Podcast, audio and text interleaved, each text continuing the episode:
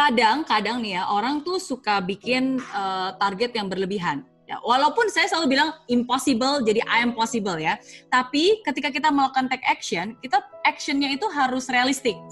Oke, okay? jadi mimpi boleh unrealistis, tapi action plan-nya itu harus realistis. Karena kalau mimpinya unrealistis, actionnya juga unrealistis, ya akhirnya semuanya nggak jadi-jadi gitu. Dan itu yang membuat kita susah untuk bisa konsisten. Nah, jadi kalau ini baru pertama kali, baru pertama kali Anda uh, mau mulai ya, mau, mau memulai ya, mulai dengan hal yang mudah yang bisa, yang bisa Anda lakukan tanpa motivasi.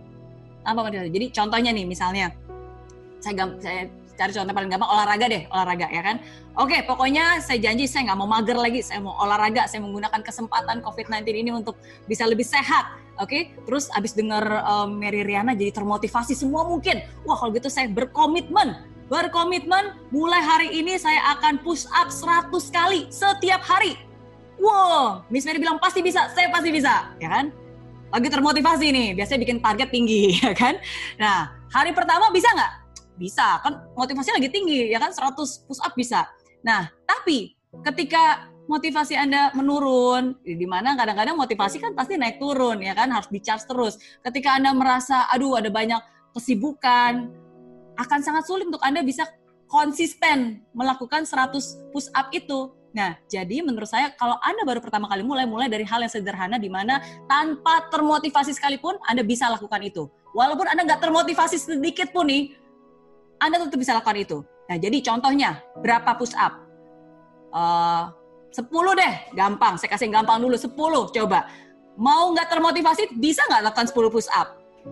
Bisa lah. Kegampangan Miss Mary, nggak apa-apa. Mulai dari yang gampang dulu, tapi konsisten. Hari ini 10 push up, bisa. Besok lagi males 10, tetap bisa. Besoknya lagi 10, tetap bisa. Karena itu gampang, nggak, nggak harus nggak butuh motivasi.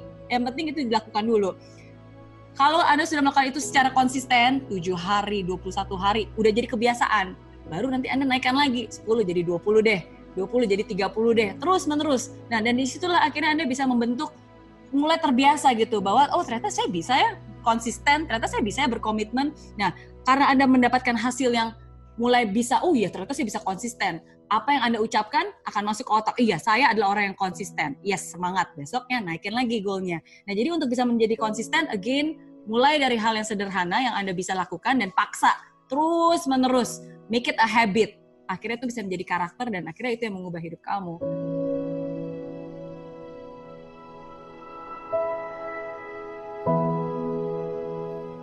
Pertama-tama berarti saya harus tanya dulu, yang Anda lakukan itu untuk kamu atau untuk ego supaya bisa dilihat orang keren? Uh. Yang kamu lakukan itu untuk apa? Eh, orang bisa punya ekspektasi, tapi kan yang kita lakukan untuk diri kita sendiri. Kecuali kalau tujuan Anda melakukan hal itu supaya Anda bisa show off, supaya Anda bisa lihat, tuh, saya bisa, lihat loh, saya bisa. Ya kalau tujuannya yang Anda lakukan hanya untuk membuat orang lain bisa kagum dan bangga dengan Anda dan wow, keren, ya itu yang akan menjadi pressure, itu akan menjadi tekanan gitu. Jadi um, yang paling penting adalah again do it because you really want to do it. Do it because ya karena ekspektasi Anda sendiri, karena karena Anda uh, mau melakukan hal itu dan itu memang hal yang harus Anda lakukan.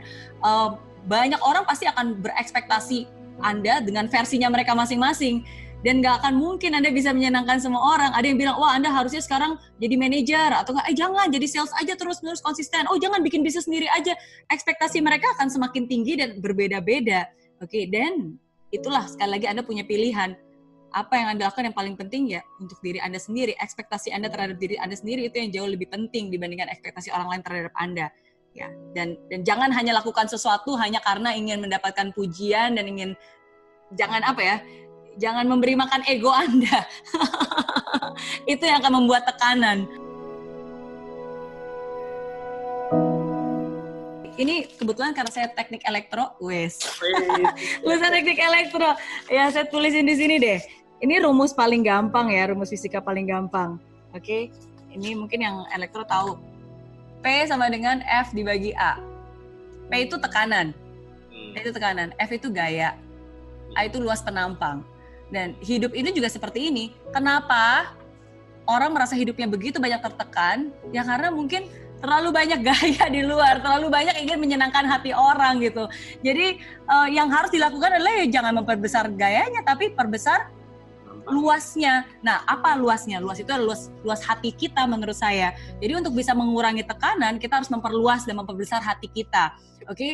uh, eh, rendah hati is okay. Kita nggak perlu menunjukkan kepada orang bahwa kita hebat. Uh, memperluas hati kita untuk terus belajar, walaupun kita sudah berhasil, tapi selalu ya kita nggak bisa menjadi orang yang paling pintar. Kita harus selalu membuka diri, kita harus belajar lagi dan terus mengupgrade diri. Nah, jadi inilah yang akan menurunkan rasa tertekan itu dengan memperluas hati, memperbesar kapasitas diri, memperbesar uh, hati kita gitu, bukan dengan gaya-gayaan.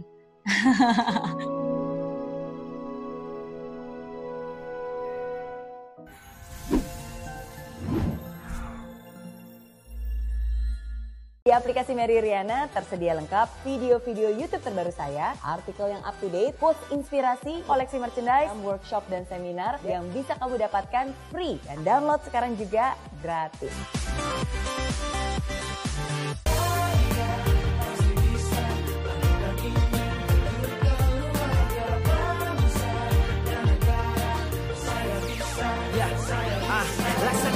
Tanpa hujan Hidup tanpa tujuan. Kering dan mati tanpa hijaunya tumbuhan ah.